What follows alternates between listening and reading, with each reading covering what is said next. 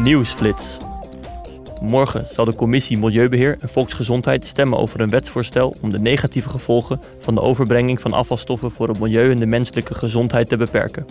Met de nieuwe regels wil de EU de overbrenging van afvalstoffen voor hergebruik en recycling vergemakkelijken en ook voorkomen dat de afvalproblemen buiten de EU geëxporteerd worden.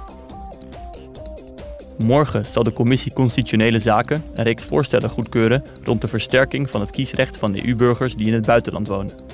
Europese burgers die in een ander EU-land verblijven, moeten ook kunnen stemmen en zich kandidaat kunnen stellen bij de Europese verkiezingen. Het doel van de voorstellen is om de problemen van mobiele EU-burgers aan te pakken en ervoor te zorgen dat zoveel mogelijk mensen deelnemen aan de verkiezingen van 2024 voor het Europees Parlement. Gisteren werd in het parlement een gezamenlijke hoorzitting georganiseerd over de bescherming van Oekraïense vluchtelingen tegen mensenhandel en seksueel geweld.